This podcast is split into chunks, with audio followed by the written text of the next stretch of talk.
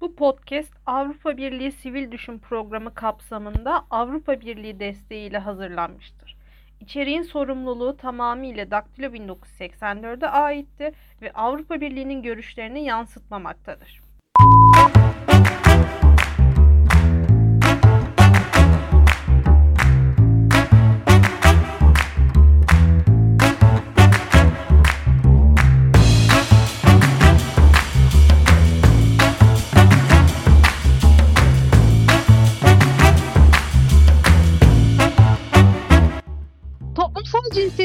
Mutfağında pişen podcast Mutfakta Ne Var'ın yeni bölümünden herkese merhaba. Ben Meltem Suat. Bugün değerli konuğum Savaş Porgam Hoca ile birlikte İran'da Masa Amini'nin öldürülmesinden bu yana 11 aydır devam eden protestoları ve protestolardan bu yana İran'da kadın hakları konusunda neler değiştiğini pişireceğiz. Hocam hoş geldiniz. Teşekkür ederim. Hoş bulduk Meltem Hanım. Hocam ben hemen şunu sorarak başlayayım. İran'da 11 aydır Masa Amini'nin öldürülmesiyle bir başlayan protestolar e, zinciri devam ediyor. Öncelikle bu protestolar nasıl oldu da 11 ay boyunca devam etti ve e, bu protestolar Masa Amini'nin ölümüne bir tepki olmaktan çıkıp nasıl rejim karşıtı bir söyleme dönüştü? Ee, evet sizin de bahsettiğiniz üzere e, İran e, 1979 İslam devriminden bu yana en önemli ve en geniş ve en uzun soluklu bir e, özgürlük hareketiyle karşı karşıya. E, ve bunun temelinde e, ve bunun öncülüğünü de yapan e, İran'ın kadın hareketi. Yani karşımızda çok önemli bir e, feminist hareket var İran'da. Ee, geçen yıl Eylül ayında e, Mahsa Amini'nin kıyafetleri ve giyim tarzı e, İslami kurallara uymadığı gerekçesiyle ahlak polisinin sokaklardaki kolu olan irşat devriyesi tarafından gözaltına alındığı esnada e, darp edilmesiyle birlikte 3 gün komada kalmış ve sonrasında hayatını kaybetmişti. Ve hayatını kaybettiği e, günden itibaren İran çok önemli bir protesto akımıyla karşı karşıya. E, ve bu hala 11 aydır devam ediyor. E, bunun en önemli sebeplerinden bir tanesi özgürlük temelli olması. Özgürlük temelli olan bir çatı talep toplumun pek çok kesimini bir süre sonra bu protestoya dahil etti. Yani önce sokaklarda kadınları gördük, daha sonrasında öğrencileri gördük ve adım adım aşama aşama toplumun her kesiminden kadın ve erkeklerin e, özgürlük çatısı altında özgürlük temelli, özgürlük talepli bir eylem silsilesiyle karşı karşıya e, kaldığını gördük İran'ın. E, çok önemli e, okumalar yapmak gerekiyor. Çünkü e, İran'ın farklı etnik grupları, e, farklı mezhebi grupları ve e, farklı kesimlerinden e, ortak bir talep var karşımızda. Yani tüm etnik kimlikleri, etnik unsurları birleştiren ve kadın yaşam özgürlük sloganı altında bir araya getiren bir hareketten bahsediyoruz. Bu e, İran tarihinde, İran 1979 devrim tarihinden sonra e, çok zor görülen bir olguydu. Tüm kesimlerin, tüm grupların e, kadın ve erkek fark etmeksizin yaşam tarzına, e, kişiliğine, haysiyetine, karar verme e, isteğine, özgür iradesine bir müdahaleye karşı ayaklandığı ve e, bunu devam ettirdiğini görüyoruz. Ee, İran Adalet Sözcüsü yaptığı açıklamada bu yılın Mart ayından Temmuz ayına kadar başını açan kadınlara karşı 2251 dava açıldığını belirtmiş ve bu davaların 825 mahkumiyetle sonuçlanmış. Ayrıca kamusal alanlarda başı açık kadınların çalışmasını önlemeye çalışıyorlar ve e, bununla ilgili de bir dizi yaptırım uygulamaya başlamışlar. E, hem başı açık kadın çalıştıran işletmeleri mühürlüyorlar hem de e, bu işle bu kadınlara hizmet veren işletmeleri de mühürlüyorlar ve kadınlara başta e, kırbaç, hapis cezası olmak üzere çeşitli yaptırımlar uyguluyorlar. E, biz geçtiğimiz yıl İrşat Polis'in Masa Amini'nin ölümüne sebep olan İrşat devriyeleri lav edildiğini duymuştuk. E, ne oldu İran'da son 11 aylık süreçte? Kadınlar için ne değişti? Şimdi e, e, İran'daki toplumsal eylemleri popüler bir haliyle sadece İran'da devrim olur mu e, cümlesine ve sorusuna indirgemek maalesef çok eksik bir bakış açısını ortaya koyuyor. İranlı kadınlar e, tehdit, darp, dayak, cezaevlerinde ve tutuk evlerinde ve polis merkezlerinde tecavüz, şiddet, idam, ölüm pek çok olguyu gözaltı gibi e, pek çok olguyu da göze alarak e, mücadelelerini adım adım geliştirdiler e, ve e, asla geri adım atmadılar. İran devleti en baştan itibaren e, çok sert tepkisini ortaya koydu ve başörtü meselesi İran rejimi için asla geri adım atılabilir bir olgu değil. E, çünkü e, bu durum İran'ın e, İslami temelli 43 yıldır ortaya koyduğu doktrini ve perspektifi e, yok saymak demektir. Yani başörtüsü meselesi bir e, beka meselesidir İran. Hem dini olarak hem sosyal olarak. Çünkü eğer İran rejimi başörtüsü meselesinde geri adım atarsa ve toplumsal kesim bu konuda İran'ı, e, İran rejimini, Molla rejimini e, geriletmeye başarırsa bu e, zincirleme şekilde tüm özgürlük alanlarının artık İran'da tartışmaya açılacağını ve artık İran Molla rejiminin e, pek çok despotik olguyu ortaya koyamayacağını gösteriyor. Bundan dolayı da İran rejiminin iş yerlerini mühürlemesi, kadınlara karşı sokaklarda baskılar kurması, yasal e, sopayı, yargı sopasını kullanması anlaşılabilir bir şey. Ancak bu asla ve asla İran'daki kadınları, e, kadın hareketini e,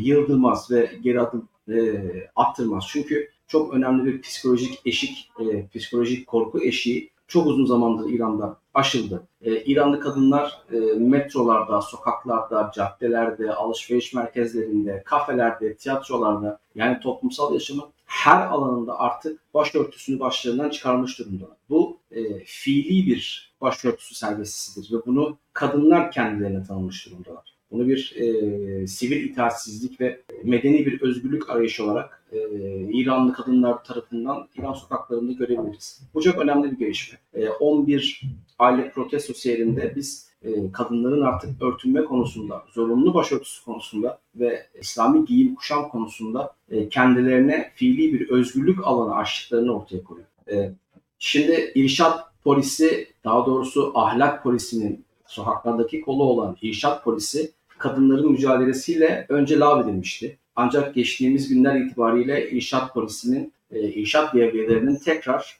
e, ortaya çıktığını ve sokaklara indiğini resmi olarak duyuyoruz İran yetkililerinden. Bunun ötesinde özellikle radikal mollaların, geleneksel radikal mollaların asla başörtüsü serbestisi konusunda devletin geri adım atmaması gerektiğini e, söylediklerini görüyoruz. Ve bu e, pek çok toplumsal kesim bağlamında sokaklarda insanları yani muhafazakar insanları, muhafazakar radikal dinci insanlarla özgürlükçü insanları karşı karşıya getirecek nitelikte. Ve e, biz metrolarda, caddelerde, sokaklarda e, başı açık olan kadınlara e, gericilerin, e, gerici halk kesimlerinin e, tepkilerini görüyoruz.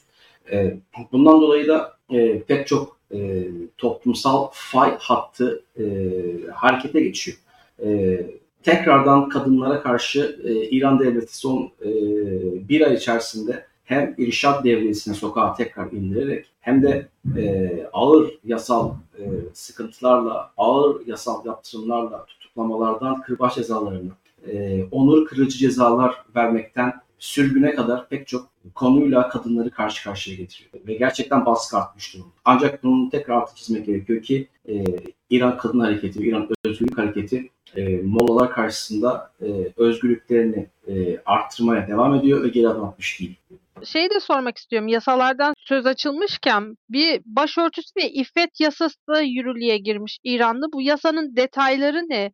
Bu yasa Masami'nin ölümünden sonra tekrar yürürlüğe sokulmuş ve sizin dediğiniz gibi çok ağır yaptırımlar uygulanıyormuş bu yasayla. İçeriğinden biraz bahsedebilir misiniz bize? Evet, içeriği çok da bilinmeyen bir şey değil. Genel olarak bahsetmek gerekirse kendisini fiili olarak e, başörtüsü serbest tanıyan kadınlara toplumsal yaşamın her alanında, sokaklarda, caddelerde, sinemada yani her alanda e, başörtüsü serbestisini uygulamaya çalışan her kadına çok önemli baskıların ve çok önemli yasal sorumlulukların ve cezai müeyyidelerin e, geldiğini görüyoruz bu meseleyle Normalde İran e, yasa koyucuları ve uygulayıcıları e, sadece kadınların artık sözlü olarak sokaklarda uyarılacağını ve e, gözaltı olmayacağını söylese de pratikte gerçekte bunun böyle yürümediğini ve kadınlara kendi şahsi arabalarının içerisinde başörtülerini çıkarsalar dahi kameralardan ve yapay zeka sistemlerinden e, ceza geldiğini görüyoruz.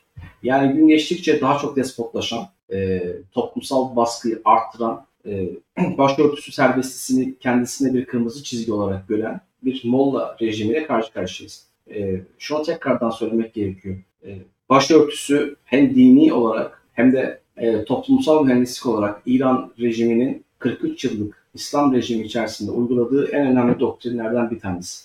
Asla ve asla bu konuda e, geri adım atmalarını beklemek e, gerçekçi olmayacaktır. Bundan dolayı da çeşitli isimler altında, çeşitli e, adlar altında getirecekleri yasalarla toplumsal baskıyı kadınlar üzerine hem yasal baskıyı hem de radikal e, dincilerin kadınlar üzerinde sokaklarda e, tırnak içerisinde uyarı ile yapacakları baskıyı e, gün geçtikçe daha çok hissedecek İran.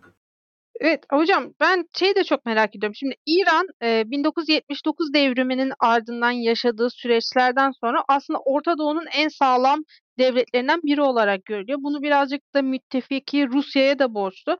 Ama ilk defa İran'da belki de 79'dan bu yana büyük bir kitle hareketi görüyoruz. Bu eylemler en sonunda bir siyasi değişim yaratır mı İran'da? Nereye kadar bu e, sivil itaatsizlik devam edecek? Bir öngörünüz var mı? E, bakın İran toplumsal hareketlerini dönemsel değil de sürekli olarak takip edenler şunu bilirler. E, İran toplumu 1979 İslam devriminden bu yana sürekli bir toplumsal hareket içerisindedir. Sürekli e, çok büyük protestolarla kendi cevabını ve kendi hissiyatını Molla rejimine göstermiştir. Bunların en başında e, 2009 yılında benim oyum nerede sloganıyla ortaya çıkan e, dönemin en önemli e, toplumsal ve demokratik e, protestosundan bahsedebiliriz. Daha sonraları e, 2007, 2008, 2010, 2012, 2015, 2017, 2018, 19, 20 ve 2023'e kadar sürekli toplumun farklı kesimlerinden e, hayat pahalılığına, e, yolsuzluklara, gelir adaletsizliğine, insan haklarına pek çok alanda, pek çok toplumsal kesimin, mühendislerin, öğretmenlerin, işçilerin, e, rafineri işçilerinin, e, fabrika işçilerinin pek çok e, eylemlerini biliyoruz. Bunlar hepsi çok e, önemli eylemler. Şu anda da yine e, iklim kriziyle alakalı e, İran'da susuzluk probleminin üzerinden yürüyen bir yine toplumsal eylem silsilesi. Yani İran sürekli bir toplumsal silsile içerisinde. İran sürekli bir toplumsal eylem içerisinde. Ancak birbirinden farklı kesimler ortak paydada buluşamadığı için, ortak bir liderlik geliştirilemediği için, birbirinden farklı toplumsal kesimlerin birbirinden farklı talepleri olduğu için e, kitleselleşen eylemler henüz çok önemli bir e, devrim niteliğinde bir değişikliğe sebep e, olamıyor. E, ve yakın zamanda da İran'daki protestoların bir devrime evrileceğini söylemek gerçekçi bir tespit olmayacaktır. Çünkü bir eylemin devrimin de sonuçlanabilmesi için pek çok toplumsal kesimin pek çok dinamiklerle birlikte sürece dahil olması gerekiyor. Ancak biz İran içerisinde şu an geniş protestolar olsa da sönüp, sönümlenip yükselen, zaman zaman azalan, zaman zaman yükselen ama hiçbir zaman sönmeyen bir protesto e, ateşi olduğunu bilsek de e, henüz topyekün ortak bir paydada ve ortak bir hedef doğrultusunda tüm toplumsal kesimleri artık e, bağlarını İran Molla rejimiyle kopartacak seviyeye getirecek kadar büyük bir e, ortaklaşma görmüyoruz. Yani kısa vadede e, İran'da bir devrim beklemek gerçeklere aykırı konuşmaktır. Bunun altını çizmek gerekiyor. Ancak şunu da söylemek gerekiyor. İran halkı, İran'ın özgürlükçü tabanı, İran'ın feminist hareketi, İran'ın reformist halkı e, çok önemli kazanımlar elde etmeye devam ediyor. Şunu altına çizmek gerekiyor. Bir düzeni yıkabilmeniz için önce sarsmanız gerekir. Ve şu anda İran Molla rejimi e, özellikle özgürlükler ve başörtüsü serbestisi bağlamında çok önemli bir sarsıntıyla karşı karşıya. Devrim için zaman gerekir. Toplumsal olarak bazı şeylerin değişmesi için zaman gerekir ve İran şu an bu e, zaman diliminin içerisinde. Hocam, eee, İran feminizminden konu açılmışken şimdi sizin de çok iyi bildiğiniz gibi aslında İran'da çok, eee, net bir feminizm hareketi yok. Bazı İranlı feministler Batı feminizmini savunurken bazıları İslami feminizmi referans alıyor. Ben şunu merak ediyorum. Bu eee, protestolar başladıktan sonra İran'da feministler olarak bir örgütlenme bir yaşandı mı? Feministler bir araya gelip tek bir vücut oldular mı? Bir de Eee, bu protestoların bu kadar büyümesinin ve uzun sürmesinin bir sebebi de, eee, Z kuşağı kadınların ve özellikle Z kuşağı gençlerin rolü olabilir mi bunda? Şimdi ikinci sorunuzdan başlayayım. Ee, İran'da biz ilk kez bu e, protestolarda ilkokul çocuklarının, ortaokul çocuklarının lise çocuklarının e, protestolara sokaklarda aktif olarak destek verdiğini gördük. Bu çok önemli bir şeydi. Çok önemli bir kırılmayı işaret ediyordu. E, sınıflarda başörtüsünü çıkartarak verdikleri pozlar, e, paylaştıkları fotoğraflar ve görseller, e, derslere giren mollaların karşısında başörtüsüz olarak e, oturup ders yapmak. Bunlar ortaokul ve lise öğrencileri için İran gibi bir ülkede çok zor ve çok önemli protestolar. Onun için evet e, artık e, Z kuşağının e, İran'daki gençlerin e, 43 yıl önce büyüklerinin ortaya attığı devrim idealine e, gönül vermedikleri ve çok daha farklı bir perspektiften baktıkları ve yeni dünya teknolojisi ve yeni dünya iletişim biçimi içerisinde kendilerine e, İslami faşizm rejiminden çok farklı noktada konumlandıklarını e, gösteriyor ve bu e, eylemlerin geleceği için çok önemli bir e, referans noktası. E, öte taraftan İran'ın en büyük problemi muhalif kesimlerin e, birbirleriyle ortak paydada ve ortak liderlikte bir araya gelememesi zaten. Bu da İran feminist hareketi için de aynen geçerli. E, şu anda İran'da ne herhangi bir muhalif, ne İran'ın içerisinde herhangi bir muhalif kesim, ne de İran'ın diasporasında kendini muhalif olarak konumlandıran e, hiçbir kesim, feminizm dahil birleşip gek vücut olduğunu söylememiz mümkün değil. Zaten bu durum e, İran'da protestoların büyük e, değişim sonuçlarından gelmemesinin en önemli sebeplerinden bir tanesi. Yani şu an yek vücut ve tek bir hedef halinde ilerleyen bir e, feminizm hareketinden İran bağlamında söz etmek mümkün. Hocam son olarak şunu da sorayım hazır gençlerden söz açılmışken. Şimdi protestoların ilk günlerinde eski Veliaht Prens Rıza Pehlevi'nin annesi Farah Diba açıklamada bulunarak protestoculara destek verdiğini söylemişti. Ben şunu merak ediyorum. Hala Pehlevi ailesinin İran üstünde bir etkisi var mı? Özellikle gençler Şah ailesine nasıl yaklaşıyor? Onlara karşı bir saygı veya bir etki e, tarafları var mı sizce? Eylemlerde atılan sloganlara baktığımızda zaman zaman e, Pehlevi ailesine ve İran Şahı'na özellikle e, Büyük Rıza Şah'a e, yönelik e, olumlu sloganların olduğunu görüyoruz. E, elbette e, farklı farklı toplumsal kesimlerin e, irili ufaklı ilgileri e, olabilir Pehlevi ailesine. Ancak Pehlevi ailesinin İran'da ve İran üzerinde e, topyekün bir etkisi olduğu ve gençleri mobilize edip yönlendirecek nitelikte bir e, büyük bir kitleleri ve karşılıkları olduğu e, söz konusu değil. E, evet farklı farklı odaklardan e, ilgiye mazhar oluyor Pehlevi ailesi ama bu İran'ın gençleri arasında Pehlevi ailesine ve kraliyet ailesine bir e, tam bağlılık veya e, tam bir siyasi önderlik olarak onları gördüğü anlamına gelmiyor. Hocam e, ek olarak şunu da sorayım. Şimdi çok klişe bir söz vardır biliyorsunuz. Türkiye İran olacak mı diye. Şimdi son dönemde bakıyoruz Cuma resmi tatili olsuncular var. E, Diyanet İşleri Başkanlığı'nın günaydın demeyelim Arapça selamlaşalım açıklaması var. Türkiye sizce İran olur mu? Yani benzer dinamik var mı? Türkiye'de de İslamcılar yönetimi ele geçirebilir mi sizce? Ee, bakın Türkiye ve İran toplumunun birbirinden çok farklı dinamikleri var. Ama Türkiye pek çok noktada artık İranlaşmaya doğru gidiyor. Konserlerin yasaklanması, festivallerin yasaklanması, e, sanatçılara uygulanan baskılar, tiyatro gruplarına uygulanan baskılar, oyunların iptal edilmesi, e, bunların hepsi e, bazı işaretleri ortaya koyuyor. Şunu unutmamak gerekiyor.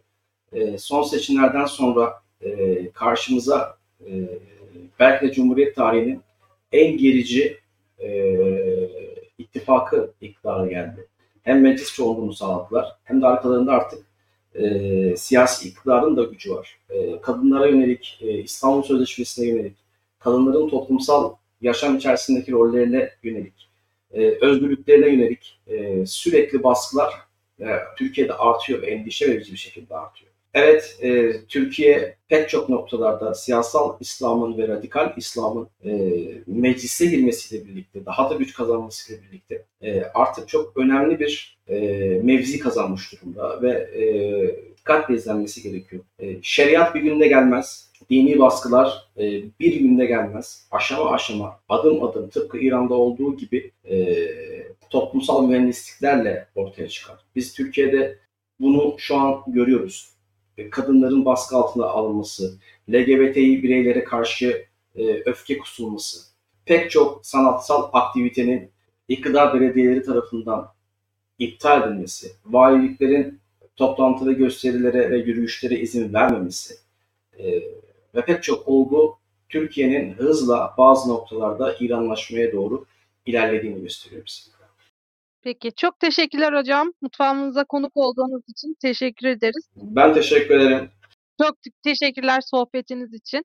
Toplumsal cinsiyetin gündemini İranlı kadınların yaktığı devrim ateşinde pişiren podcast Mutfakta Ne Var'ın bir bölümün daha sonuna geldik. Mutfakta Ne Var'ın geçmiş bölümlerini yeniden dinlemek ve yeni bölümlerimizden haberdar olmak için bizleri Spotify, iTunes ve Google Podcast kanallarımızdan takip edebilirsiniz. Ayrıca Daktilo 1984'ün diğer içerik ve yayınlarına göz atmak için web sitemizi ziyaret etmeyi ve YouTube kanalımıza abone olup katıl butonuna tıklayarak bizleri desteklemeyi unutmayın. Hoşçakalın.